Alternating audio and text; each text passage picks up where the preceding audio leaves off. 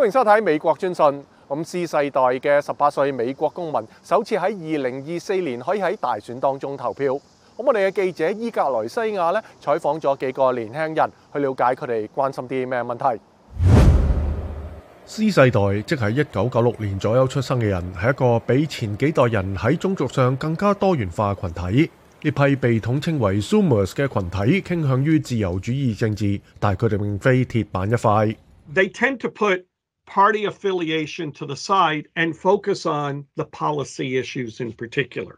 有資格喺二零二四年總統大選當中投票嘅大學生話，佢哋正在關注政界人物對美國最高法院一系列保守派決定嘅反應，包括有關墮胎權同大學招生嘅決定。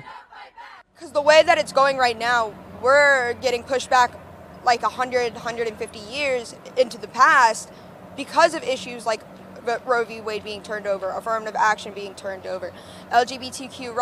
德州大学奥斯汀分校嘅新闻系二年级学生普雷斯顿话，对于最高法院决定终止大学招生当中嘅种族因素考虑感到满意。They should look at your application and base it off of that, not because of your race.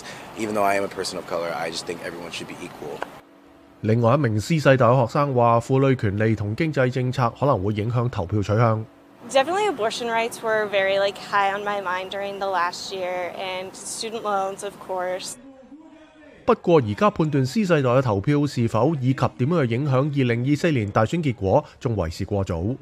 20-year-old versus a 45-year-old, the 45-year-old's going to have a higher likelihood of turning out to vote just because they're practiced at this and they understand how politics works a little bit better.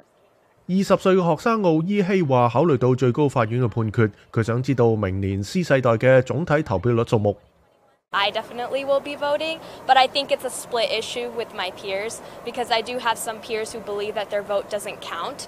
政界人物可以做啲乜嘢去改变呢种睇法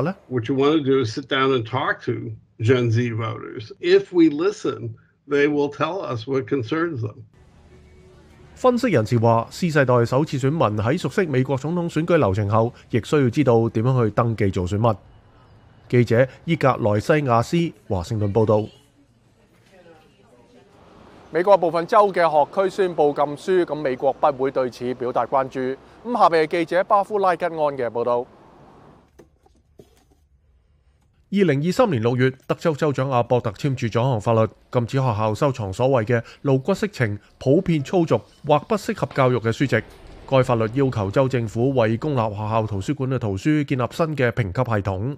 阿博特话，部分书籍内嘅图像或者资料不适合学童。硬色州嘅一项类似法律喺二零二三年八月生效，如果图书馆员被发现违反法律，佢哋可能会面临刑事指控。硬色州图书馆协会已经提出诉讼要求停止该法律嘅实施硬色州图书馆协会嘅科菲话呢项法律嘅措辞非常含糊唔清楚点去遵守 they keep talking about sexually explicit materials some of the books that have been mentioned by title are things like a book called it's perfectly normal by roby harris that is a sex education book It is intended to help parents teach their children. Different people have different ideas about what's appropriate and inappropriate, which again is part of the problem. Over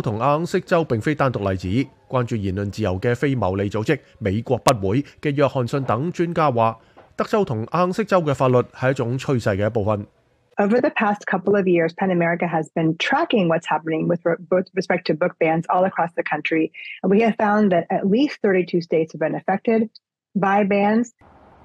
美国不会发现经常受到审查嘅书籍提出咗性、种族同性别以及年龄适宜性嘅问题。